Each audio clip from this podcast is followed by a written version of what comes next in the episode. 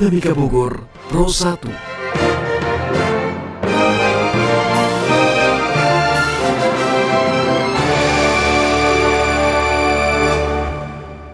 Selamat pagi dan salam jumpa di edisi hari ini. Saya Maulana Isnarto kembali menyapa Anda. Di hari ini kami terus akan menyampaikan rangkaian informasi dan juga perbincangan terkait dengan corona karena hari ini topik kita masih soal bersama melawan corona khususnya di wilayah Bogor. Karena di Bogor sudah menelan korban juga. Satu orang dokter meninggal dunia ini dikonfirmasi oleh pemerintah Kota Bogor kemarin tetapi lebih daripada itu kita ingin melihat bagaimana penanggulangan yang dilakukan oleh Pemkot Bogor untuk memerangi corona. Hampir seluruh wilayah Indonesia menetapkan regulasi lokal, regulasi terkait untuk melindungi warganya. Di antaranya adalah pemerintah Kota Bogor menetapkan tujuh regulasi terkait dengan penanganan pandemi COVID-19. Regulasi itu diambil setelah dibahas bersama Forum Komunikasi Pimpinan Daerah serta unsur pimpinan DPRD Kota Bogor. Kepala Bagian Hukum dan HAM Pemerintah Kota Bogor, Alma Wiranta mengatakan bahwa regulasi yang dibahas bersama itu merupakan tindak lanjut kebijakan pemerintah pusat dan pemerintah Provinsi Jawa Barat untuk menerbitkan produk hukum dalam bentuk peraturan wali kota maupun keputusan wali kota terkait pandemik COVID-19. Ketujuh regulasi meliputi soal pembentukan gugus tugas percepatan penanganan virus disease 2019 atau corona disease, Eh, ke kedua, status kejadian luar biasa COVID-19 di Kota Bogor. Ketiga, tanggap darurat wabah akibat coronavirus disease 2019 di Kota Bogor. Kemudian, keempat, penunjukan bendahara pengeluaran khusus penanganan coronavirus disease 2019 ini sesuai dengan apa yang disampaikan Presiden Indonesia Joko Widodo bahwa dilakukan revisi anggaran untuk melakukan penanganan corona. Kemudian uh, ketujuh soal insentif petugas pencegahan coronavirus disease 2019 atau COVID-19 di Kota Bogor. Ini soal bagaimana masing-masing wilayah melindungi warga warganya. Sekali lagi pemerintah sampai sejauh ini lewat Kepala Satuan Gugus Tugas Khusus Penanganan COVID-19 yang juga Kepala BNPB Doni Munargo mengatakan di video sosial medianya bahwa sampai hari ini pemerintah tidak menyatakan adanya lockdown Artinya bahwa tidak ada kebijakan lockdown yang dilakukan adalah social distances. Kita akan update dulu bagaimana kondisi atau bagaimana kondisi di Indonesia terkait dengan COVID-19. Saya coba putarkan petikan statement atau pernyataan yang disampaikan oleh juru bicara penanganan COVID-19 Indonesia dari Kementerian Kesehatan, Pak Ahmad Yuryanto berikut ini. Saya akan menyampaikan update dari kasus positif yang kita rawat sampai dengan tanggal hari ini pada pukul 12.00. Ada penambahan kasus positif sebanyak 64 orang, sehingga totalnya adalah 514 orang. Ada juga penambahan kasus yang sudah sembuh, sudah dua kali pemeriksaan negatif dan dinyatakan sembuh dan dibolehkan pulang, sebanyak sembilan orang sehingga totalnya menjadi 29 orang. Namun juga ada penambahan kasus yang meninggal dari perjalanan penyakit ini sebanyak 10 orang sehingga total yang meninggal pada posisi sekarang adalah 48 orang. Distribusinya bisa dilihat di dalam tabel dan data ini sudah kami berikan kepada Kepala Dinas Kesehatan Provinsi untuk kemudian dilanjutkan ke rumah sakit bagi kepentingan layanan rawatan rumah sakit dan kemudian diberikan kepada dinas dalam kepentingan untuk melaksanakan kontak tracing. Sudah barang tentu informasi ini juga sudah dilaporkan oleh kepala dinas masing-masing kepada kepala daerah masing-masing. Ini yang kemudian harus kita bangun sekali lagi bahwa social distancing, menjaga jarak itu harus kita laksanakan dengan basis komunitas saat ini. Harapan kita adalah masyarakat saling mengingatkan, masyarakat saling mengawasi. Beberapa pembelajaran baik sudah kita didapatkan dari beberapa kasus ini. Kemudian yang berikutnya eh, kita juga sudah mulai menyiapkan tentang eh, rumah sakit tambahan, screening, tes dengan menggunakan rapid test. Dan kemudian obat-obatan yang sudah akan kita gunakan pun juga sudah kita miliki. Namun sekali lagi obat-obatan ini adalah atas resep dokter, atas indikasi yang diberikan oleh dokter. Tidak dibenarkan untuk kemudian kita simpan sendiri atau kita minum dengan konteks pencegahan. Karena secara keilmuan tidak ada upaya pencegahan dengan meminum obat tertentu. Kembali lagi bahwa menghindari, meminimalkan membatasi kontak ini adalah cara yang paling baik. Yang kedua, jaga imunitas diri masing-masing agar tetap sehat, agar tetap bisa melaksanakan eh, aktivitas ringan di rumah yang seimbang, karena bukan dimaknai bahwa bekerja dari rumah artinya tidak melaksanakan aktivitas apa pun, ini justru akan menurunkan kondisi imunitas kita. Saudara, inilah beberapa hal yang saya sampaikan, mudah-mudahan bisa dipahami. Pemerintah secara serius, secara bersungguh-sungguh mengerahkan semua kapasitas yang dimiliki untuk menjaga agar yang sehat tetap sehat, tidak tertular, dan yang sakit segera bisa kita amankan untuk tidak menularkan kepada orang lain, dan kita berikan layanan yang terbaik agar segera sehat kembali dan kita bersama-sama akan menuju ke masa depan yang lebih baik. Demikian tadi yang disampaikan oleh Pak Ahmad Yuryanto, juru bicara penanganan corona di Indonesia yang berasal dari Kementerian Kesehatan menyampaikan perkembangan terkini mengenai kasus-kasus corona yang ditemukan, ditangani dan meninggal dunia. Tadi disampaikan ada beberapa jumlah yang tadi Anda dengarkan.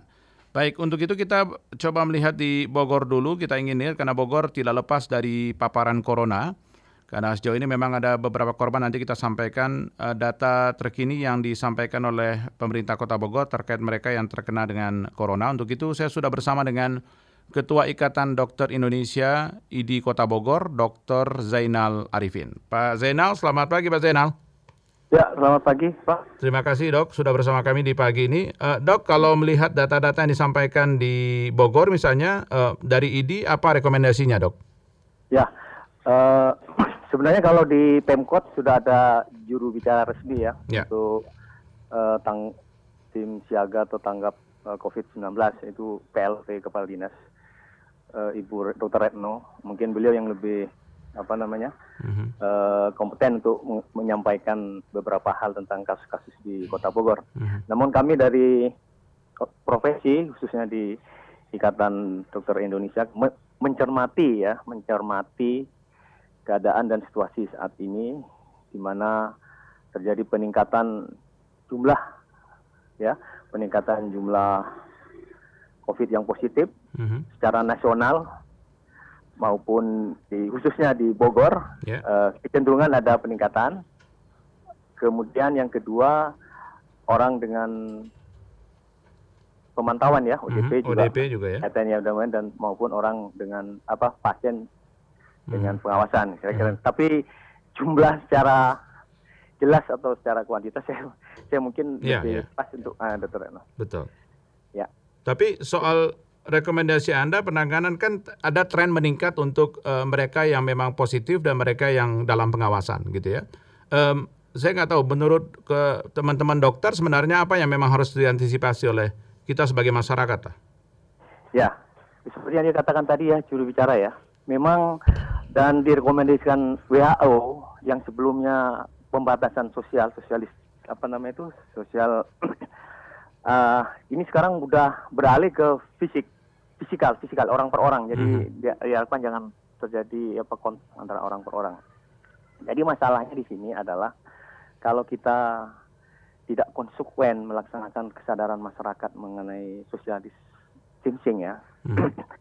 ini uh, penanggulangan dari COVID-12 ini akan tidak optimal. Karena hmm. apa?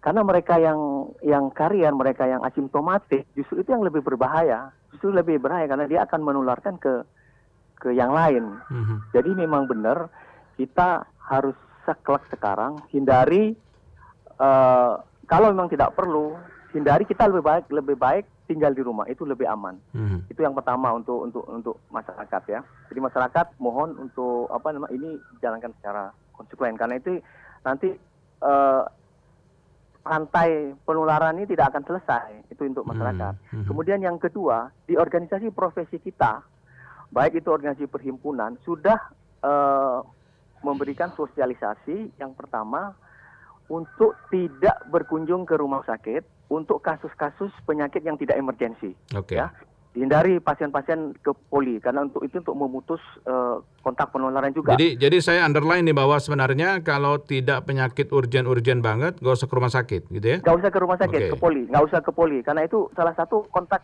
uh, apa namanya? Kita tidak tahu bahwa di antara pengunjung atau hmm. di antara tenaga medis itu ada sudah terpapar yang yeah. Uh, ODP itu. Kalau itu masuk kalau itu sudah menularkan ke satu itu nanti dia akan melakukan yang lain. Jadi sekarang udah ada edaran surat himbauan uh, agar masyarakat yang tidak emergensi keluhannya baik itu di penyakit saraf, bedah, uh, penyakit dalam itu ada kriteria-kriterianya itu ya mungkin itu bisa mhm. disebarkan. Mm -hmm. Kalau ke saraf misalnya kalau tidak ada kejang, tidak ada penurunan kesadaran, tidak ada sakit kepala yang berat, kalau hanya kontrol-kontrol rutin itu uh, silahkan itu ditunda dulu. Kemudian yang kedua lagi, uh, kami menghimbau juga kepada pihak BPJS, mm-hmm. ya, mm-hmm. karena aturan sekarang kan hampir 90 persen, 80 persen itu, ya kan, yeah. pasien-pasien BPJS kan di rumah sakit umum maupun rumah sakit swasta. Mm-hmm. Nah, kendalanya sekarang pasien-pasien yang penyakit kronis, katakanlah penyakit kalau pasien penyakit jiwa yang yang saya tahu ya, mm-hmm. itu kan pakai fingerprint mereka. Jadi mau nggak mau mereka kan harus datang tuh. Ya betul. Padahal anjuran kita uh, dipersempit itu mereka tuh kontak ke rumah sakit. Kemudian hmm. yang kedua, BPJS masih uh, apa namanya uh, aturan aturan itu kan pasti berobat satu bulan. Mereka yeah. dikasih obat satu bulan. Kan kita kita tahu kalau kita menerapkan itu, kita harapkan pasien-pasien yang kronis itu di, di delay, ditunda dulu bisa dua bulan sekali. Cuman kendalanya obat di BPJS ini nggak bisa gitu loh kan dia hmm. satu bulan ini hmm. salah satu kendala masyarakat saya takut nanti kalau itu diterap secara ini masyarakat nanti nggak bisa nggak bisa dapat obat ini malah bukan hmm. bukannya ini malah yeah. mereka akan apa namanya uh, penyakitnya akan bertambah apa namanya itu uh, serangan ulang lah misalnya gitu ya itu mungkin mungkin kita harus ada kerjasama ini antara BPS kami juga mengimbau kemudian yang ketiga juga kepada teman-teman dari uh, eh sorry saya juga mengimbau kepada direktur rumah sakit atau pimpinan rumah sakit untuk memberikan alat perlindungan diri kepada teman-teman yang memberikan pelayanan seoptimal mungkin. Emang emang sekarang belum optimal, Pak Dokter ya, Zainal? Ya, ya. kita uh, seperti di garda depan misalnya, mm -hmm. uh, alat perlindungannya selama ini mungkin tidak tidak tidak maksimal, padahal sesuai dengan standar yang dianjurkan ya. Mungkin mereka hanya pakai uh, apa namanya masker bedah dan ini persediaannya pun juga kelihatannya ini makin lama makin menipis ini. Mm -hmm. Sedangkan sedangkan pengadaan atau keseter, ketersediaan alat-alat pelindung diri, masker, ya, sarung tangan dan sebagainya itu di pasaran sangat sulit. Yeah. Kalaupun ada sangat apa namanya mm -hmm. uh, langka dan mahal ya. Langka tinggal lah. Kami juga di ID sekarang di ID Kota Bogor ini uh, dalam rangka uh, antipati penyebaran penyebaran virus COVID-19 ini yeah. yang pertama adalah penggalang dana. Kita banyak uh, teman-teman dari dokter maupun mm -hmm. uh, masyarakat luas yang menyumbang dalam bentuk uang. Yeah. Ya. Tapi kita sampai saat ini kesulitan sampai mendapatkan saat ini, barangnya kan. Barang ini. Jadi Betul. tolong ini. Bila perlu saya menganjurkan juga uh, dari pihak yang berwenang, katakanlah dinas kesehatan atau pihak Pemkot untuk mengadakan semacam sidak ke rumah ke ke mana itu ya ke apotik dan lain-lain ya apotik ke mana-mana kira-kira ada nggak obat-obat hmm. ada nggak penyediaan ini bila perlu dibeli atau gimana caranya supaya untuk atau stok untuk itu ya jadi kita kesulitan ini hmm. banyak yang nyumbang banyak yang nyumbang yeah. tapi kita kesulitan gitu loh ya okay. ini ini mungkin Baik. jadi masukan dari teman-teman uh, apa namanya dari pihak yang berwenang. Oke, okay. Art artinya bahwa memang uh, kita tidak boleh meremehkan juga kondisi di Bogor sekarang karena memang mobilitas orang Bogor ke Jakarta juga cukup tinggi. Um, kemudian juga disampaikan bahwa memang ada beberapa data yang menunjukkan. Uh, saya ingin konfirmasi soal teman satu profesi Pak Dr. Zainal uh, yang menjadi korban meninggal dunia akibat corona. Ingin kami konfirmasi soal itu, Pak Dokter? Ya, ya saya uh, sebenarnya uh, tidak punya kewenangan ya untuk mengumumkan itu. Nggak, tapi dalam Kenapa? kapasitas sesama profesi pasti tahu kan gitu. Ya, saya tidak ya, akan ya, menanyakan ya, Anda dari sisi ya. soal ah, Anda ya, stakeholder ya. kebijakan pemerintah ya, daerah, ya. tapi dari sisi ya, profesi. Oke, oke, okay, okay. ya, ya. Jadi mungkin mungkin uh, saya nggak bisa menyatakan bahwa itu sebenarnya, tapi karena ini sudah menjadi berita yang luas, mm-hmm. saya luaskan ini sudah sudah sudah berita luas ini sudah yeah. menjadi ini ya memang yang bersangkutan memang positif lah gitu kejadian di situ. Mm-hmm. Memang benar itu, memang benar. Tapi dalam kapasitas dalam kapasitas bukan saya yang yeah. apa, yang yang yang menyiarkan ya, betul, yang memberikan statement, tapi itu saya merujuk memperkuat uh, beberapa statement dari PBID maupun mm-hmm. yang beredar di mitos sekarang maupun beberapa kali gitu. Mm-hmm. Oke, okay. tapi meninggalnya itu tidak di Bogor kabarnya ya, meninggalnya di Jakarta ya? Ya, meninggal, tapi sempat dirawat di rumah sakit. Oh, sempat dirawat di, rumah sakit swasta di, di Bogor. Oke, okay. artinya bahwa tadi disampaikan dokter benar sekali soal memberikan fasilitas memadai bagi petugas kesehatan khususnya di garda depan, ya. karena resikonya besar sekali dok ya. Betul. Terus yang kedua lagi yang paling penting ini sebenarnya, uh, para pasien bersikap jujur kepada uh, petugas kesehatan, ya. Kesehatan medis atau bila dia berobat ke rumah sakit. Hmm. Karena sering kali kita kecolongan ya, kita kecolongan karena apa? Karena uh, manifestasi klinis dari pada COVID-19 ini sudah bervariasinya. Ya, kadang ada asim asimptomatik, hmm. ya kan? Tidak hmm. rasa ada kadang-kadang dia mengeluh hanya lemes. Memang yang yang tipikal misalnya ada batuk batuk pilek sesak itu kan ya. Hmm. Tapi ada beberapa kita yang sempat sem kecolongan. Jadi pasien itu nggak mengaku, nggak jujur. Hmm. Misalnya dia berobat dengan keluhan panas ya, tapi dia nggak menyatakan bahwa dia itu pernah habis umroh atau dia pernah ke luar negeri, oh, atau dia pernah ke Bali. Ada ini, rekam ini, jejak perjalanan ya, ya, atau ini, mobilitasnya gitu ya? Ya. Oke. Okay. Beberapa beberapa catatan ya.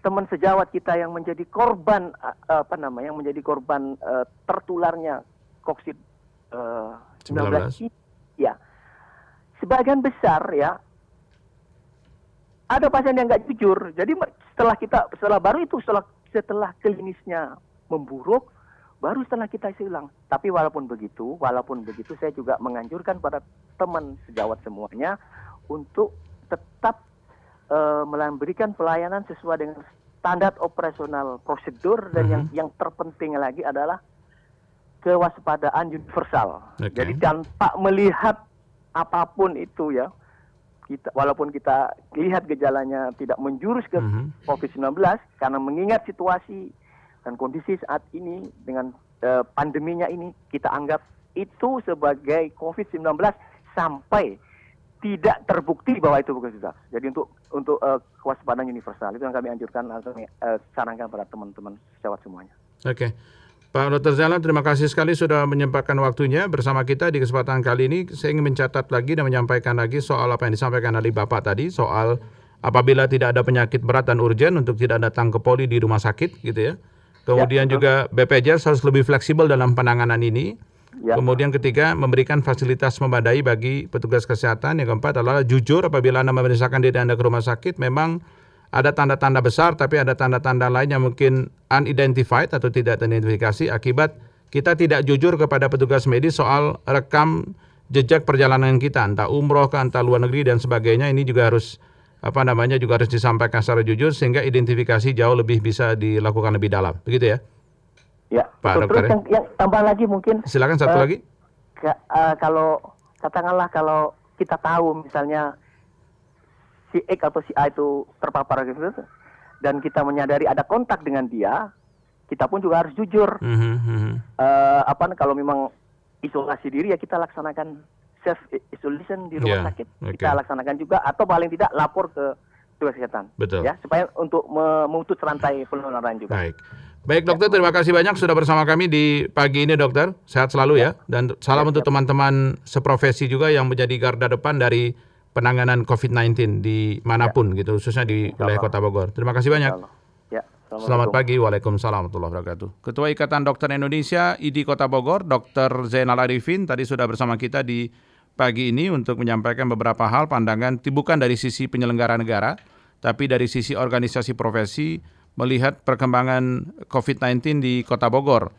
Kemudian juga kita lihat misalnya data sementara COVID-19 di Kota Bogor per Minggu 22 Maret 2020 per pukul 14 orang dalam pemantauan jumlahnya 205, kemudian sudah diselesaikan 30, kemudian dalam pemantauan 175. Kemudian juga pasien dalam pengawasan atau PDP, tadi ODP sekarang PDP, jumlah ada 8, kemudian sembuh 1, kemudian dalam pengawasan 7, terkonfirmasi positif COVID-19, jumlah 7, meninggal dunia 1 dan dalam perawatan 6. Ini tadi juga dikonfirmasi soal meninggalnya teman dokter di Bogor, tadi yang disampaikan. Uh, memang meninggal di Jakarta, tapi sempat dirawat di rumah sakit swasta di Bogor. Kami nanti akan kembali dengan informasi lainnya, termasuk juga penanganan yang disampaikan oleh pemerintah pusat lewat Pak Ahmad Yuryanto. Nanti akan disampaikan kembali kondisinya. Kami sedang menghubungi wali PLT Wali Kota Bogor, Pak Dede Rahim, Wakil Wali Kota Bogor, Pak Dede Rahim. Kemudian kita juga menunggu konfirmasi dari uh, eh, Dr. Martino SPPD dari uh, eh, RSUD Kota Bogor yang menangani wali kota sejauh ini memang Pak Wali masih dalam perawatan karena COVID-19 positif disampaikan. Kami akan kembali tetap bersama kami di Dinamika Bogor. Ingat tanggal 10 ya. Hmm? Jangan sampai kena denda pelayanan loh. Jangan lupa batas waktu tanggal 10. Ingat ya, tanggal. Apaan sih dari tadi tanggal 10 terus? Itu batas waktu bayar iuran JKN KIS. Tanggal 10 setiap bulannya. Waduh, sekarang tanggal berapa ya? Kayaknya belum bayar iuran JKN KIS nih. Tuh kan, udah diingetin aja masih lupa. Supaya nggak lupa, manfaatin kemudahan pembayaran iuran JKN KIS melalui program auto debit. Program auto debit? Iya, program auto debit dapat dilakukan melalui berbagai alternatif cara, yaitu melalui aplikasi mobile JKN, Bank Mandiri, BNI, BRI, BCA, Tokopedia, uh-huh. atau ketik bintang 141 bintang 999 pagar. Wah, kalau gitu aku daftar auto debit iuran JKN Kes dulu ya. Ayo bayar iuran JKN KIS sebelum tanggal 10 setiap bulannya supaya tetap aktif dan tidak kena denda pelayanan kalau dirawat. JKN KIS, bayar, aktif, selamat. Dengan gotong royong, semua tertolong. Mau ke mana, A? Buru-buru banget? mau ke apotek, Bang. Mau beli masker disuruh bos. Nggak usah ke apotek kalau buat Asadi mah. Nih saya ada. Kok harus pakai masker segala sih bang? Kan Asadi lagi pilek sama batuk kan? Iya. Nah kalau sedang pilek atau batuk wajib pakai masker. Kalau lagi fit kayak saya nggak wajib pakai masker. Nah perhatikan cara makainya, jangan salah A. Tutup mulut, hidung, dan dagu. Bagian luar masker harus yang berwarna A. Terus tekan bagian atas masker, ikut bentuk hidung. Kalau sudah kotor atau basah, harus diganti A. Siap, Bang. Ya sudahlah, saya lapor bos dulu. Eh, eh, eh, eh, pakai dulu maskernya, A. iya, lupa saya. Untuk informasi hubungi hotline virus corona 021 521 0411 dan 0812 12 12 3119. Mas, Mas, Mas, ya uh, Mas mau pesen ya? Iya mbak. Saya mau pesan sirup stroberinya satu, terus jus alpukatnya satu. Alpukatnya banyakin esnya ya, terus manisin dikit yang banyak gulanya. Terus sama satu lagi, hmm, ya. oh ya mau pesan es teh manis deh ya. Langsung pesen banyak soalnya, aduh gerah banget, haus. Sebentar ya. Sa, kamu nggak pesan air putih? Aku lihat kamu kok jarang banget minum air putih. Ih, aku tuh nggak suka minum air putih. Enakan yang manis-manis. Sa, minum air putih itu penting loh. Jangan diremehin. Air putih itu mampu menetralisir racun-racun dalam tubuh kita. Ah, bawel deh. Ih, dikasih tahu. Nih ya, air putih itu bisa mencegah dehidrasi tubuh, menjaga kesegaran kulit, melindungi saraf dan jaringan tubuh kita. Emangnya kamu mau jadi gampang sakit, terus kulit kamu kusam karena dehidrasi. Ih, yang gak mau lah. Ih, iya iya iya, iya deh. Mas, Mas, uh, mau pesan air mineralnya satu ya buat tambahan. Okay. Nah, gitu dong. Anda masih bersama kami dalam Dinamika Bogor Pro 1.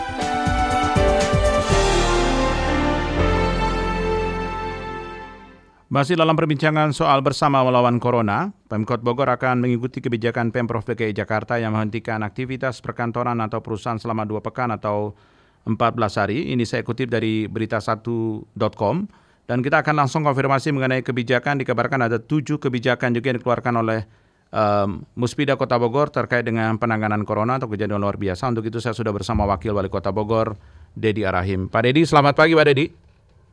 Selamat pagi Pak Maulana. Baik, terima kasih Pak Dedi. Ini soal ya. uh, dikabarkan Pemkot Bogor akan uh, sudah menetapkan tujuh kebijakan untuk melakukan penanganan terhadap corona. Tujuh kebijakan ini ruang lingkupnya di mana aja Pak Dedi?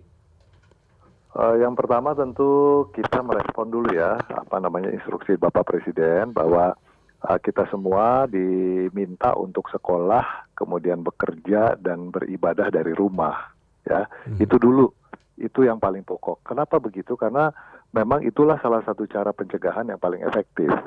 Nah, oleh karena itu, uh, pemerintah Kota Bogor merespon uh, kondisi yang berkembang, ya, apalagi dengan uh, ditetapkannya Pak Bima Arya, Wali Kota Bogor, uh, positif COVID-19, ada langkah-langkah uh, seperti misalnya menetapkan Kota Bogor sebagai kota KLB COVID-19. Hmm.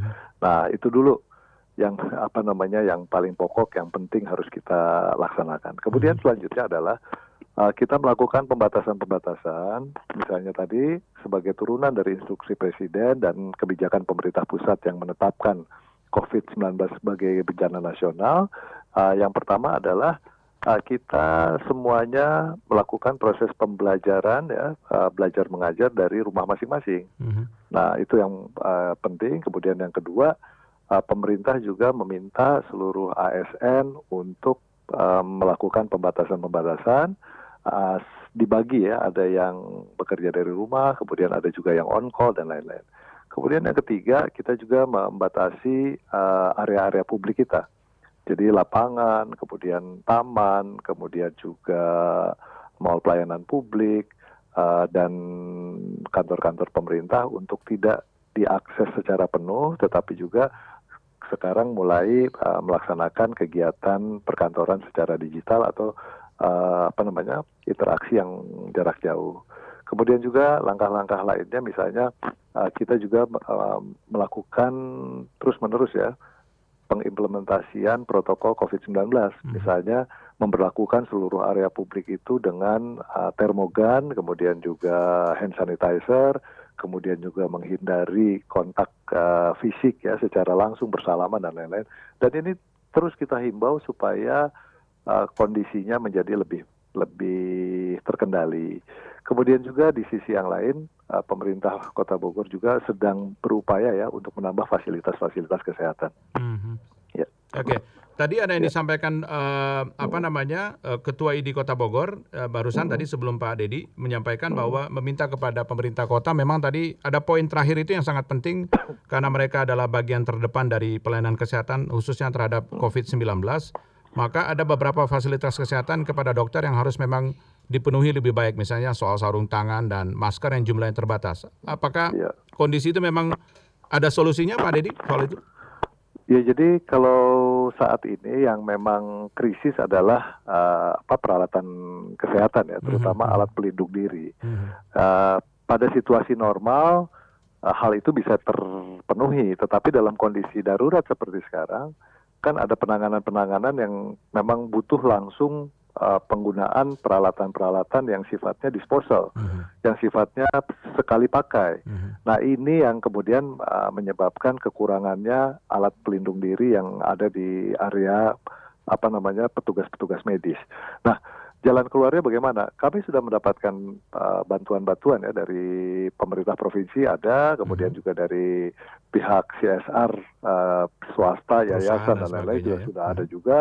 Kemudian juga kepedulian-kepedulian masyarakat juga ada. Jadi insya Allah uh, untuk beberapa waktu ke depan uh, alat pelindung diri ini masih bisa tertangani. Cuma hmm. yang harus dipikirkan adalah langkah langkah-langkah lain ya, seperti pengadaan peralatan penunjang. Hmm. Uh, sebab biar bagaimanapun juga kalau kita lihat uh, resiko tertinggi dari seseorang yang terinfeksi uh, COVID-19 ini adalah gagal nafas.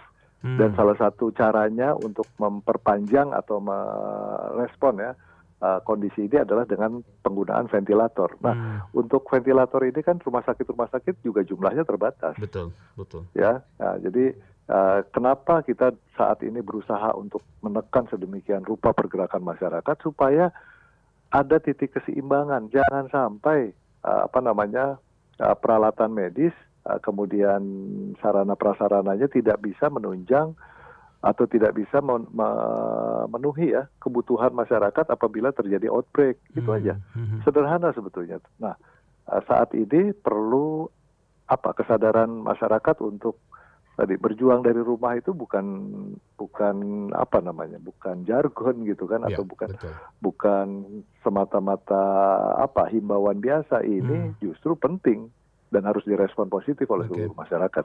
Hmm. Kenapa ya. tidak strictly saja, strict sangat strict bahwa ya. memang nggak ya. boleh gitu? Karena tadi ide ya. misalnya ke rumah sakit aja kalau memang nggak urgent urgent banget, janganlah karena gitu ya. Iya, ya betul betul. Jadi gini, tentu banyak faktor yang harus dipertimbangkan. Hmm. Berbeda mungkin dengan negara-negara yang relatif sudah maju ya. Misalnya uh, bagaimana nanti distribusi bahan pokok untuk masyarakat hmm. kalau kita tutup semua kan gitu hmm. gitu kan. Nah, tetapi dengan upaya terus-menerus memberikan penyadaran-penyadaran ini diharapkan kelompok-kelompok tertentu bisa bisa merespon dengan baik. Kemudian uh, melakukan apa namanya upaya pencegahan yang efektif. Mm-hmm. Nah kalau misalnya langkah-langkahnya drastis bagian per bagian nggak mungkin. Kenapa? Contoh epicentrum penyebaran COVID-19 ini kan DKI Jakarta, mm-hmm. ya kan? Nah selama uh, komuter lain mengangkut 280 ribu penumpang per hari dengan headway na, per 6 per 6 menit, ya dengan 400 trip per hari. Mm-hmm. Kemudian Jakartanya masih buka, pertokoan di Jakarta masih buka, mall yeah. masih buka, Betul. dan kantor-kantor masih buka. Ya orang uh, apa Jakarta itu kan pegawainya sebagian dari Bogor. Betul, betul. Ya kan dari kabupaten dan dari kota Bogor. Nah, jadi ini yang harus dipikirkan. Mm-hmm. Jadi kalau Jakarta sebagai epicentrum dengan jumlah positif lebih dari 200, Betul. sementara Bogor masih mendatangi titik epicentrum, saya pikir konyol juga kan gitu kan. Mm-hmm. Karena ya. karena memang sejauh ini memang kebijakan yang disampaikan misalnya PT KRL atau KCJ gitu ya, KCI bahwa kereta hari ini akan mulai dari jam 6 sampai jam 8 malam aja. Jadi tidak akan diperpanjang lagi. Ya, yes, artinya bahwa memang akan ada pembatasan sana sini. Cuma namun tadi disampaikan Pak Wakil Wali Kota benar sekali bahwa beberapa tempat di Jakarta memang tidak tutup. Moda transportasi lain atau pribadi juga banyak. Ini yang menjadi masalah juga karena interaksinya juga uh, cukup iya. besar. Ini soal satu lagi yang mungkin saya ingin tanyakan Pak Wakil Wali Kota soal hotel. Karena oh. karena Bogor pasti akan sangat mengenalkan sektor ini sebagai salah satu pemasukan besar. Tapi yeah. yang bukan soal itu, tapi soal jumlah orang di hotel. Apakah memang ada komitmen dari pengelola hotel untuk menutup hotel sementara mengikuti kebijakan yeah, 14 yeah. hari? Pak ya, ini salah satu respon yang baik ya. Jadi alhamdulillah PHRI Kota Bogor ini merespon uh, ajakan dari atau instruksi dari Bapak Presiden, kemudian juga secara realistis uh, melakukan apa melaksanakan langkah-langkah yang strategis. Apa langkahnya? Mereka menutup. Jadi sudah 11 hotel yang sudah tidak beroperasi. Tujuannya apa tadi? Memang melindungi diri kita ya, kemudian juga karyawan, kemudian juga jangan sampai nanti seolah-olah masih bisnis as usual. Ini yang kemudian kita harus berikan apresiasi pada mereka. Padahal kalau kita, kita lihat, kalau kita tetap melakukan apa namanya serangkaian kegiatan bisnis seperti biasa, kan resikonya juga tinggi. Hmm. Ya berapa lama kita bisa bertahan? Kalau misalnya dalam jangka pendek tidak bisa kita tanggulangi, yes. resiko jangka panjangnya lebih lama. Hmm. Ini yang harus kita betul-betul ya ditimbulkan kesadaran uh, bahwa ini situasinya kritis, situasinya sangat urgent dan butuh solidaritas dari semua pihak. Oke, karena memang terbukti di Tiongkok eh, satu-satunya cara memang adalah membatasi interaksi antara manusia. Itu ya, yang betul, mereka betul. lakukan sampai sekarang mereka sukses tidak tidak ada laporan terbaru di di Tiongkok laporan uh, mereka yang terkena uh, corona kembali. Itu yang disampaikan terakhir informasinya yang saya kutip dari uh, CNBC Network. Kita kita coba untuk lihat. Baik. Pak ya. Wakil, terakhir apa yang ingin ya. disampaikan hmm. ke warga Bogor? Semuanya bisa mendengarkan Bapak pagi ini, silakan. Ya, terima kasih kepada warga Bogor semua ya. Yang intinya sih uh, saya mau ulangi tadi ya bahwa kita hari ini berjuang dari kediaman kita masing-masing. Membatasi interaksi antar warga, jangan ada uh, sentuhan-sentuhan, salaman, cipika-cipiki itu dikurangi atau hmm. tidak kita lakukan sama sekali. Kemudian juga uh, tidak perlu ada panik buying. Kita harus menjaga solidaritas, kita juga harus uh, apa peduli sesama ya, peduli lingkungan, peduli tetangga dan lain-lain. Dan apabila kemudian nanti terjadi hal-hal yang perlu kita ambil langkah yang lebih uh, drastis, uh, semua sudah siap. Artinya yang punya kelebihan bisa membantu yang kekurangan dan sebaliknya. Uh, begitu juga uh, apa namanya kita terus harus optimis ya uh, bisa melewati semua dengan kita berserah diri kepada Allah, tetapi dengan ikhtiar yang maksimal. Saya pikir itu pesan kepada seluruh masyarakat Bogor, tetap tenang, pemerintah sedang melakukan langkah-langkah yang terbaik ya, yang bisa kita lakukan dengan segala daya upaya yang ada hmm. dan berkoordinasi terus dengan pemerintah provinsi dan pemerintah pusat untuk uh, mencari jalan keluar terbaik untuk keselamatan semua. Oke, Pak Wakil Wali Kota, ya. terima kasih banyak sudah bersama kami pagi ini. Sehat selalu, ya. Pak. Ya, terima kasih. Terima kasih. Selamat pagi. Demikian Wakil Wali Kota Bogor, Dedi Rahim, yang sekarang uh, melakukan fungsinya sebagai Wali Kota karena Pak Bima Arya dinyatakan positif COVID-19 dan masih dalam pengawasan. Mudah-mudahan kondisinya jauh lebih baik. Nanti kita akan bincang dengan Ketua Tim Medis Penanggulangan Wabah COVID-19, Dr. Martino SPPD, dari RSUD Kota Bogor, dokter spesialis penyakit dalam, konsultan hematolog onkologi. Nanti kita akan coba untuk bincang bersama beliau.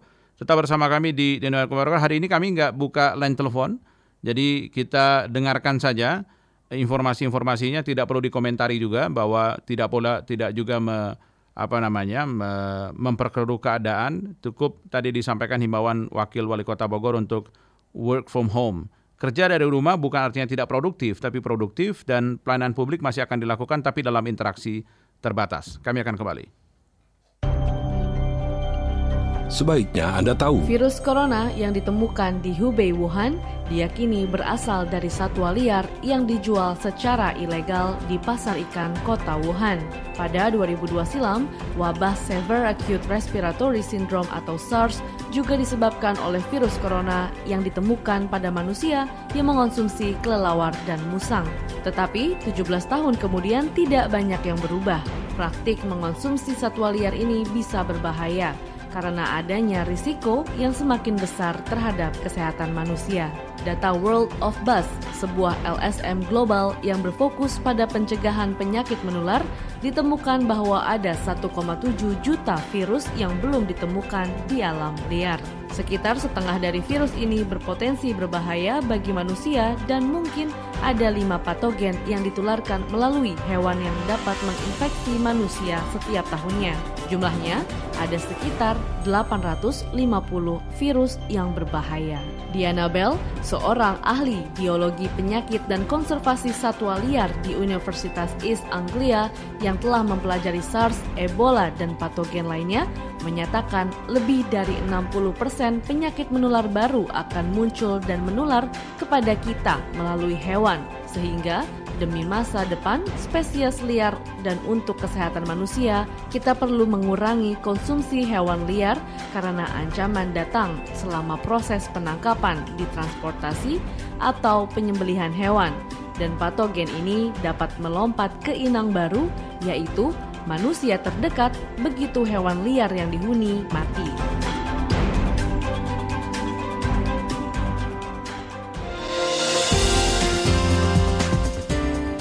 Anda masih bersama kami dalam Dinamika Bogor Pro 1.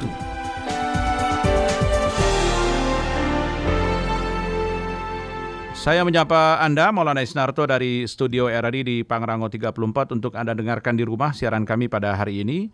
Dan Anda bisa bekerja tetap produktif dari rumah untuk bisa menghasilkan karya-karya yang positif karena Presiden pemerintah pusat menyarankan atau bukan himbauan yang bersifat serius hampir menjadi instruksi untuk kita bekerja dari rumah. Pemkot DKI Jakarta juga sudah menyampaikan untuk kerja dari rumah. Kemudian Bogor juga menetapkan kondisinya luar biasa di wilayah Kota Bogor dan Wakil Wali Kota tadi Anda dengarkan untuk kerja dari rumah. Jadi memang eh, tempat-tempat seperti hotel pun juga sudah menutup operasional mereka, walaupun mereka rugi puluhan miliar rupiah yang disampaikan oleh Ketua PRI Kota Bogor, eh, Yuno Abetalahai, bahwa memang kondisinya harus dilakukan karena sekali lagi nyawa lebih penting dibandingkan dengan apa pun yang um, Anda sebutkan, materi dan lain-lain. Ini yang menjadi sorotan kita di pagi ini. Kita akan dengarkan, ini kita flashback ketika Pak Bima Arya, Wakil Wali Kota Bogor, uh, Wakil Wali Kota Bogor yang ditetapkan atau positif hasil swabnya terkena corona. Setelah itu beliau menyampaikan pesannya lewat sosial media. Kita akan dengarkan berikut ini. Assalamualaikum warahmatullahi wabarakatuh, warga Bogor yang sangat saya cintai. Tadi sore melalui sambungan telepon, Bapak Gubernur Jawa Barat menghubungi saya untuk menyampaikan hasil tes COVID-19 yang saya jalani dua hari yang lalu dan saya dinyatakan positif. Tentu walau tidak ada gejala-gejala yang signifikan, hanya batuk-batuk kecil, tetapi saya memutuskan untuk mengikuti semua protokol dan prosedur, menjalani isolasi diri, dan percaya sepenuhnya kepada Rumah Sakit Umum Daerah Kota Bogor untuk menangani ini. Saya menghimbau kepada seluruh warga Bogor untuk betul-betul menjaga kesehatan, berhati-hati, jaga jarak dan jaga diri, tidak usah bepergian keluar rumah apabila betul-betul tidak mendesak. Saya juga mempercayakan penanganan dari COVID-19 di Kota Bogor ini kepada Wakil Wali Kota Kang Didi Rahim beserta seluruh jajaran Pemkot yang insya Allah akan terus bekerja keras secara maksimal memastikan ikhtiar kita untuk menangani COVID-19 di Kota Bogor ini secara maksimal. Warga Bogor, COVID-19 ini bisa mengenai siapa saja, tetapi juga eh, sudah banyak juga yang sembuh dari virus ini. Jadi tetap optimis, namun selalu juga berhati-hati, jaga-jaga dan jaga jarak. Saya meminta doanya kepada semuanya, karena ini cobaan bagi saya dan keluarga. Insya Allah kita dikuatkan, dan saya juga mendoakan kepada seluruh warga Bogor untuk selalu diberikan kesehatan oleh Allah Subhanahu wa taala. Terima kasih, mohon doanya. Wassalamualaikum warahmatullahi wabarakatuh. Demikian tadi yang disampaikan Pak Bima Arya yang menghimbau kepada warganya oh, Kota Bogor untuk tidak perlu keluar rumah apa memang tidak perlu dan urgent sekali. Itu bolak-balik disampaikan oleh siapa pun yang kami wawancarain pagi ini. Kita akan bersama dengan Dr. Martino SPPD dari RSUD Kota Bogor, dokter spesialis penyakit dalam, konsultan hemato hematolog onkologi yang juga merawat Pak Bima Arya, betul, untuk uh, karena beliau terpapar positif COVID-19. Pak Bima Aryanya, untuk itu kita sapa beliau. Pak Dr. Martino, selamat pagi dok. Selamat pagi Pak. Maulana di RRI Bogor, terima kasih sudah luangkan waktunya bersama kami. Kita ingin tanya kabar terkini dulu Pak Wali Kota kita gimana Pak Martino? Uh, kondisi Pak Wali Kota saat ini uh, baik, uh, sudah dilihat oleh uh, dokter DP, DPJP penanggung jawab dan sudah dilihat juga oleh perawat. Dan kemarin juga uh, sudah uh, berkunjung uh, Bapak Gubernur sempat teleponan sehingga kondisinya stabil sampai saat ini. Hmm. Hanya kemarin ada keluhan mual, uh, tapi itu tidak bermakna untuk gejala COVID ini. Oke, mual itu karena kenapa? Karena memang memakan obat sesuatu atau bagaimana Pak?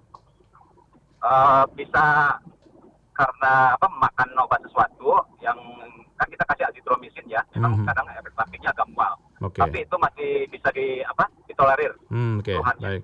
Artinya is not related apa tidak ada hubungannya dengan um, corona, corona ya. Jadi kondisinya begitu ya. Uh, enggak ada. Enggak ada hubungannya. Oke, itu penting sekali untuk kondisinya, uh -huh. kondisinya itu stabil untuk penyakit uh, coronanya. Gitu. Tadi mungkin Bapak sudah dengar juga apa yang disampaikan oleh Pak Bima Arya uh, setelah selesai beliau ditelepon Pak Ridwan Kamil karena positif corona. Beliau menyampaikan ya. bahwa memang nggak ada nggak ada rasa apa-apa sebenarnya. Nah ini tadi disampaikan teman-teman dari dokter juga bahwa sebenarnya yang hati-hati adalah mereka yang carrier, mereka yang membawa virusnya dan mereka nggak merasa apa-apa. Uh, uh, ada beberapa ciri yang minor yang memang harus juga diwaspadai Pak Martino. Mungkin Anda punya pengalaman selama Anda menangani Pak Pak Wali Kota, Pak Martino? Jadi sebenarnya gini, uh, ini kan penyakit virus virus juga ya, yang jadi gejalanya seperti virus, virus seperti apa uh, orang yang sakit flu, mm -hmm.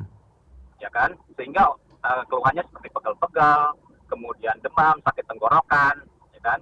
Nah, cuman yang jadi masalah adalah pada pasien-pasien yang kondisinya tidak fit, dia dapat cepat memburuk.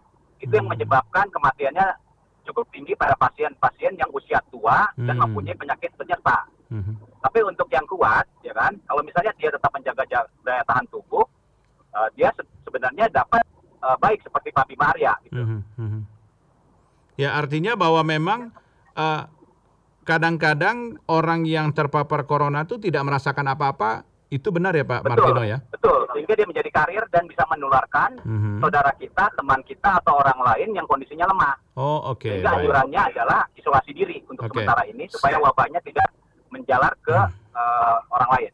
Saya ingin konfirmasi oh, soal berita yang banyak sekali berada di sosial media soal bahwa memang uh, penyakit ini atau virus ini bisa mati dengan sendirinya dalam 14 hari selama kondisi kita benar-benar fit. Apakah benar itu Pak Martino? Jadi sebenarnya gini, uh, virus itu kan mempunyai media tempat untuk uh, apa? Untuk tinggal. Dia kan harus hidup di intrasel. Hmm. Kalau misalnya dia hidup di luar, dia nggak akan dia nggak bisa untuk apa? Nggak bisa memperbanyak diri, sehingga hmm. dia tidak dapat uh, apa, ber, apa berkembang biak. Sehingga kalau misalnya kita dalam 14 hari ini diam di rumah mempunyai apa kekebalan tubuh pada saat virusnya itu menularkan orang virusnya itu tidak bisa menyebabkan penyakit lagi. Jadi sebenarnya bukan sembuh sendiri tapi daya tahan tubuh kita yang akan mencegah si virus itu tidak punya tempat untuk berkembang biak. Sehingga wabah ini akan selesai Oh oke okay. baik artinya oh, itu kondisinya ya. Jadi memang uh, itu benar ya bahwa memang kondisi kita jauh harus lebih baik, interaksi kita juga harus dikurangi. Kemudian ya, juga jadi, tadi, ah silakan. Jadi jadi kita harus membuat membuat virus itu tidak punya tempat untuk berkembang biak. Karena oh. kalau misalnya dia masuk ke dalam tubuh kita, dia akan menggunakan sel hidup kita, sel sel-sel kita itu untuk berkembang biak karena dia memerlukan sel kita mm-hmm. untuk berkembang biak. Okay. Kalau misalnya kita mempunyai sel mempunyai tahan tubuh untuk mencegah uh, sel virus uh, virus tadi, sehingga virus itu nggak bisa berkembang biak dan wabah ini akan berakhir. Okay. Itu yang terjadi di Cina. Siap, bahwa artinya bahwa memang itu yang disampaikan ya. Um, ya.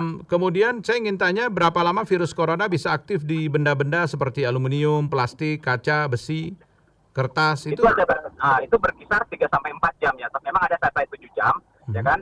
Cuman saya uh, maaf saya nggak bawa data itunya, hmm. uh, apa jam-jamnya. Tapi memang dia 3 sampai 7 jam itu bisa tetap di apa di tempat-tempat yang kita pegang sehingga hmm. anjurannya adalah desinfektan tangan dan membersihkan eh, tempat-tempat uh, yang berisiko untuk adanya hmm. uh, virus-virus tadi.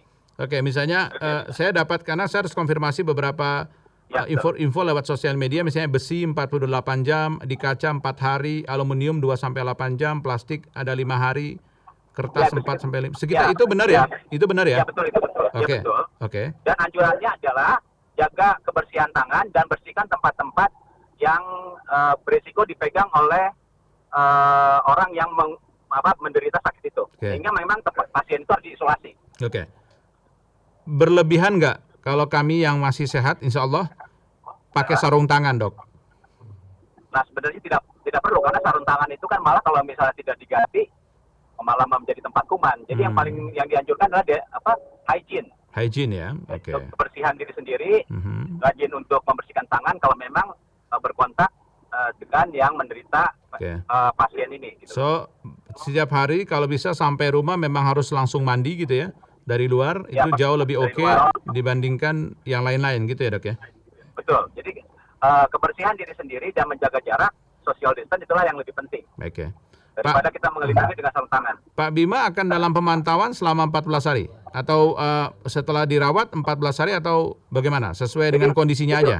Uh, jadi untuk Pak Bima uh, rencana dipulangkan itu bila hasil swab itu dua kali negatif. Oh. Jadi uh, jadi hari ini akan kita swab kalau misalnya negatif dua hari ke, dua hari dua hari kemudian kita akan lakukan swab lagi. Mm -hmm. Kalau misalnya negatif dia bisa dipulangkan. Oke, okay, baik itu mudah-mudahan beliau bisa negatif dua kali tes ya di swab sehingga ya. beliau bisa beraktivitas kembali. Tapi uh, soal kejujuran ini penting nggak dok? Saya ingin konfirmasi ini banyak orang kadang-kadang diperiksa nggak jujur juga ya soal track record jalan dari mana jalan dari mana itu itu gimana tuh?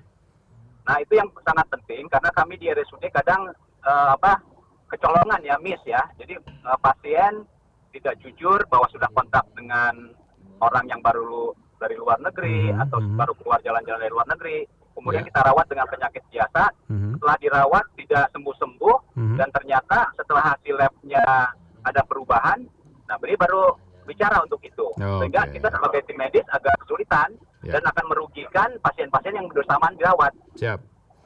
Oke. Okay.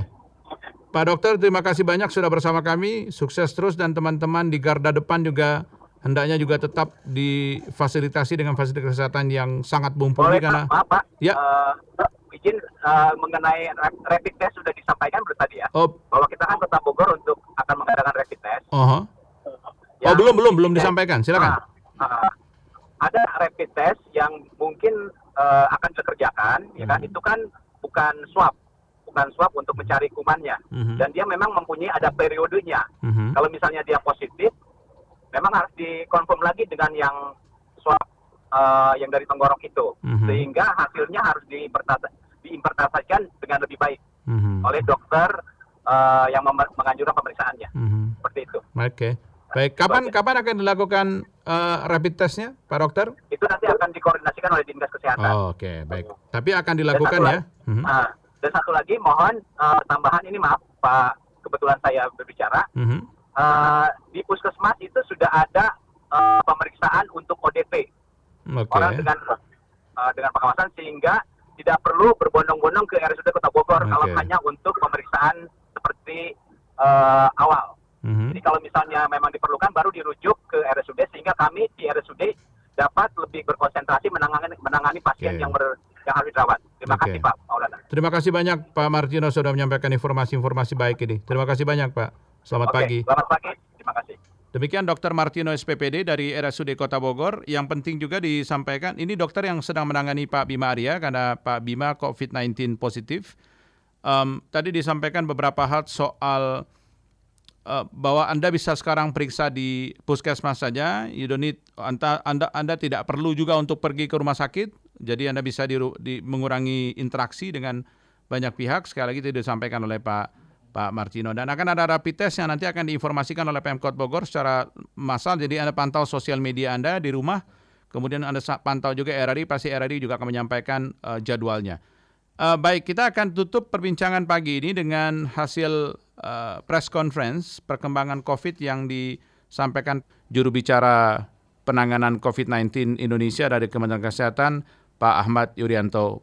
Saya Maulana Istarto bersama kru yang bertugas mengucapkan terima kasih atas perhatian Anda. Kita bersama perangi Corona dan salam Indonesia hebat. Kembali lagi, saya tidak henti-hentinya untuk menyampaikan beberapa langkah pokok yang dilakukan oleh pemerintah di dalam upaya pencegahan dan pengendalian COVID-19 ini. Saya tidak segan-segannya untuk mengingatkan kembali tentang bagaimana social distancing atau menjaga jarak pada saat melaksanakan kegiatan sosial bersama yang lainnya. Kami berharap bahwa kebijakan ini bisa diimplementasikan di seluruh tengah-tengah masyarakat kita sampai dengan tahapan bahwa setiap komunitas mampu menjaga lingkungannya, saling mengawasi, saling mengingatkan, dan kemudian saling membantu. Karena pada hakikatnya inilah jati diri bangsa kita yang selalu bergotong royong, selalu memiliki tenggang rasa sosial untuk bersama-sama menghadapi COVID-19 ini. Oleh karena itu, kami melihat bahwa semakin hari semakin bagus upaya yang bisa dilaksanakan oleh masyarakat di dalam rangka menjaga jarak dalam konteks kontak sosial antar sesama. Sudah cukup banyak yang memahami, namun ini masih perlu kita tingkatkan karena inilah salah satu cara yang paling efektif untuk menghindari mencegah penularan dari satu orang ke orang yang lain. Ini menjadi penting karena kita sadari bahwa tidak seluruh orang yang di dalam tubuhnya ada virus COVID-19 memberikan gambaran sakit. Kita sering sekarang mendapatkan kasus dengan COVID-19 positif dalam keadaan yang sakit ringan, sehingga merasa tidak sakit atau bahkan tanpa gejala sama sekali. Sadari bahwa ini menjadi bahaya, menjadi penting untuk bersama-sama kita kendalikan karena inilah penularan yang terjadi di masyarakat kita. Terutama pada kelompok umur yang masih muda. Seringkali karena kondisi fisiknya, sering kali karena kondisi imunitasnya jauh lebih baik, maka tidak memperhatikan menjaga jarak, sehingga dia membawa virus ini tanpa gejala dan kemudian menularkan kepada keluarganya dan kita tahu di antara keluarga kita mungkin ada yang rentan, orang lanjut usia, atau orang dengan memiliki penyakit-penyakit komorbid sebelumnya, semisal diabetes yang sudah menaun, hipertensi, gagal ginjal, dan sebagainya. Nah, mereka-mereka inilah kemudian kalau tertular akan masuk dalam kondisi yang berat dan tidak menutup kemungkinan untuk bisa memberikan ancaman terhadap jiwanya. Oleh karena itu, mari bersama-sama kita sadari bagaimana seharusnya kita bersikap di dalam menghadapi pandemi global COVID-19 ini, COVID-19 ini, sehingga kita harapkan bersama-sama kita bisa mengurangi aspek kemungkinan penularan antar orang. Ini yang penting. Kemudian yang kedua, kami menyadari bahwa semua ingin sehat, semua ingin tidak terkena penyakit ini. Oleh karena itu, manakala kemudian muncul gejala, kita harapkan yang pertama tidak panik, kemudian konsultasikan segera ke fasilitas kesehatan yang terdekat, ke dokter, ke puskesmas, ke rumah sakit, ataupun ke mana. Dari sanalah kemudian tentunya dokter secara profesional akan mulai melihat, menilai apakah ada indikasi yang kuat untuk kemudian kita lakukan pemeriksaan swab untuk mencari kemungkinan ini adalah terinfeksi virus dan kemudian seberapa beratnya dan ke mana harus kita rujuk di rumah sakit. Kita sadari bersama bahwa sekarang rumah sakit kita didatangi oleh banyak orang dan kemudian kapasitasnya hampir melebihi batas yang ada.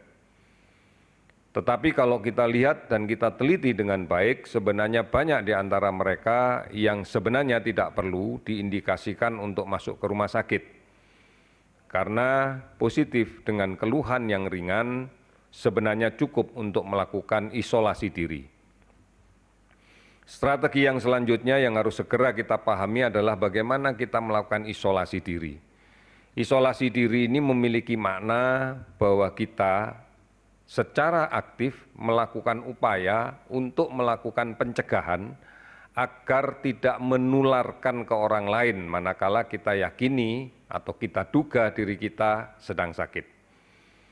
Tinggal di rumah, batasi kontak dengan anggota keluarga yang lain, tidak menggunakan alat makan dan alat minum secara bersama-sama, melakukan monitoring kondisi kesehatannya secara rutin, dan bisa melaksanakan konsultasi terus-menerus dengan para tenaga kesehatan yang profesional baik melalui call center 119 ekstensi 9 yang 24 jam aktif maupun melalui unicorn yang lain apakah Halodoc, apakah kemudian Sehatpedia dan yang lain-lainnya. Ini juga harus dimaknai bahwa anggota keluarga yang lain menjadi supporting faktor untuk mereka yang sedang melaksanakan self isolation atau isolasi diri. Tentunya komunitas menjadi penting untuk saling membantu. Apabila memang ada tetangga kita yang diharuskan melaksanakan isolasi diri, maka alangkah baiknya tetangga yang lainnya untuk selalu melihat, memonitor, memberikan dukungan, memberikan supporting kepada tetangga kita yang sedang melaksanakan isolasi diri.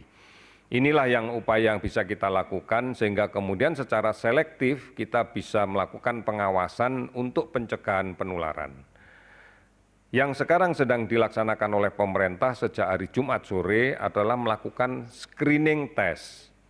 Kita akan melakukan pemeriksaan secara massal pada kelompok-kelompok beresiko. Sekali lagi, kita akan melakukan pemeriksaan pada kelompok-kelompok yang beresiko.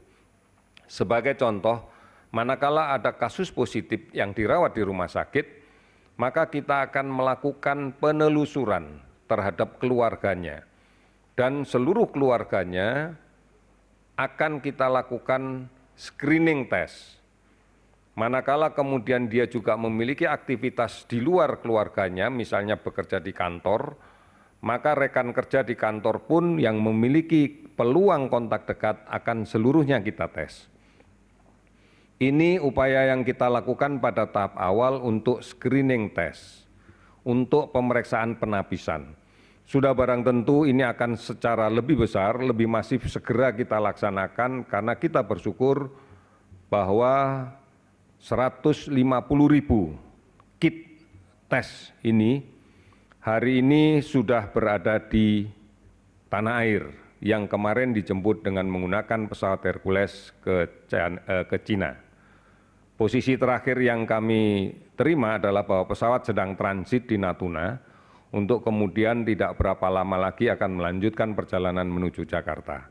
Oleh karena itu dengan 150 ribu kit, maka kita akan sebarkan ke seluruh tanah air sesuai dengan pengelompokan resiko, faktor resiko di masyarakat atas dasar kasus positif yang kita layani di rumah sakit. Ini yang menjadi acuan kita dan tidak berapa lama lagi kita juga akan mendatangkan jumlah yang lebih besar sehingga target kita adalah satu juta kit untuk memeriksa eh, kelompok yang beresiko di antara masyarakat kita. Kemudian sudah barang tentu dari hasil pemeriksaan ini, karena ini penapisan, karena ini screening, pasti harus ada follow up-nya. Yang pertama, apabila ditemukan kasus negatif, maka kita akan meminta siapa pun yang hasilnya negatif untuk tetap melakukan social distancing, tetap melakukan untuk menjaga jarak dengan siapa pun. Karena hasil negatif tidak memberikan jaminan bahwa yang bersangkutan tidak terinfeksi. Kita pahami bahwa rapid test, tes cepat yang kita lakukan sekarang ini basisnya adalah melihat respon serologi darah dari infeksi eh, COVID-19. Sehingga tentunya pada infeksi yang masih berada di kisaran sebelum tujuh hari, 6 sampai tujuh hari, tentunya respon imunologi belum muncul. Hasilnya pasti negatif meskipun di dalam tubuhnya sudah ada infeksi. Oleh karena itu ini harus diulang lagi di tujuh hari berikutnya untuk memastikan apakah memang betul-betul negatif atau memang masih pada masa di mana respon serologinya belum terbentuk. Inilah yang kemudian menjadi dasar buat kita bahwa tidak ada satupun yang memberikan garansi bahwa kalau pemeriksaannya negatif itu dimaknai tidak terinfeksi. Apabila dua kali dilakukan pemeriksaan dan ternyata tetap negatif, kita bisa meyakini bahwa saat ini sedang tidak terinfeksi, tetapi bisa besoknya terinfeksi manakala upaya untuk kontak dekat tidak dijalankan, kemudian upaya untuk melakukan isolasi diri dari orang lain yang positif tidak dijalankan dengan baik. Ini yang menjadi penting sehingga kita harus memahami itu. Manakala hasilnya ditemukan positif, maka kita akan melakukan pemeriksaan ulang dengan menggunakan PCR karena pcr ini adalah pemeriksaan dengan metode molekuler yang memiliki sensitivitas jauh lebih tinggi dibanding dengan rapid test yang berbasis serologi. Oleh karena itu dari sinilah nanti akan kita pisah-pisahkan positif tanpa keluhan atau positif dengan keluhan yang sedikit, maka mampu, kita harapkan mampu bersama-sama masyarakat semuanya untuk melaksanakan isolasi diri di rumah dengan pengawasan komunitas tentunya. Namun apabila disertai dengan gejala ringan sedang, maka pemerintah sudah menyiapkan penambahan ruang isolasi rumah sakit. Beberapa saat yang lalu kita sudah mendengar bersama-sama bahwa ada satu hotel oleh pihak swasta yang didedikasikan untuk isolasi rumah sakit di dalam jumlah yang besar. Bahkan sekarang Wisma Atlet sedang dalam proses untuk kita kejar segera siap. Harapannya hari Senin besok juga sudah bisa dioperasionalkan. Dua-duanya ini adalah prototipe yang kita bangun di pusat, harapannya nanti juga akan dilaksanakan oleh pemerintah daerah dalam rangka melaksanakan isolasi rumah sakit. Sehingga hanya untuk kasus-kasus sedang berat dengan komplikasi yang berat, ini sajalah yang kita kirim ke rumah sakit yang memiliki ruang tekanan uh, ruang isolasi tekanan negatif dengan peralatan yang canggih. Ini menjadi penting karena kita harus selektif betul memanfaatkan kapasitas rumah sakit yang ada, sehingga kita tidak kemudian secara tergesa-gesa kita seluruhnya dimasukkan di rumah sakit. Nanti, kalau sudah ada pasien yang kemudian memiliki tuntutan layanan rawatan untuk menengah dan berat, sedang sampai berat, kita jadi kelabakan untuk menyiapkan. Ini tentunya akan mutlak membutuhkan kerjasama semua pihak, bukan hanya pemerintah. Di dalam komponen pemerintah itu adalah mengintegrasikan kapasitas sipil militer, juga dengan dunia usaha dan masyarakat. Ini menjadi kunci keberhasilan kita bersama-sama untuk memerangi COVID-19.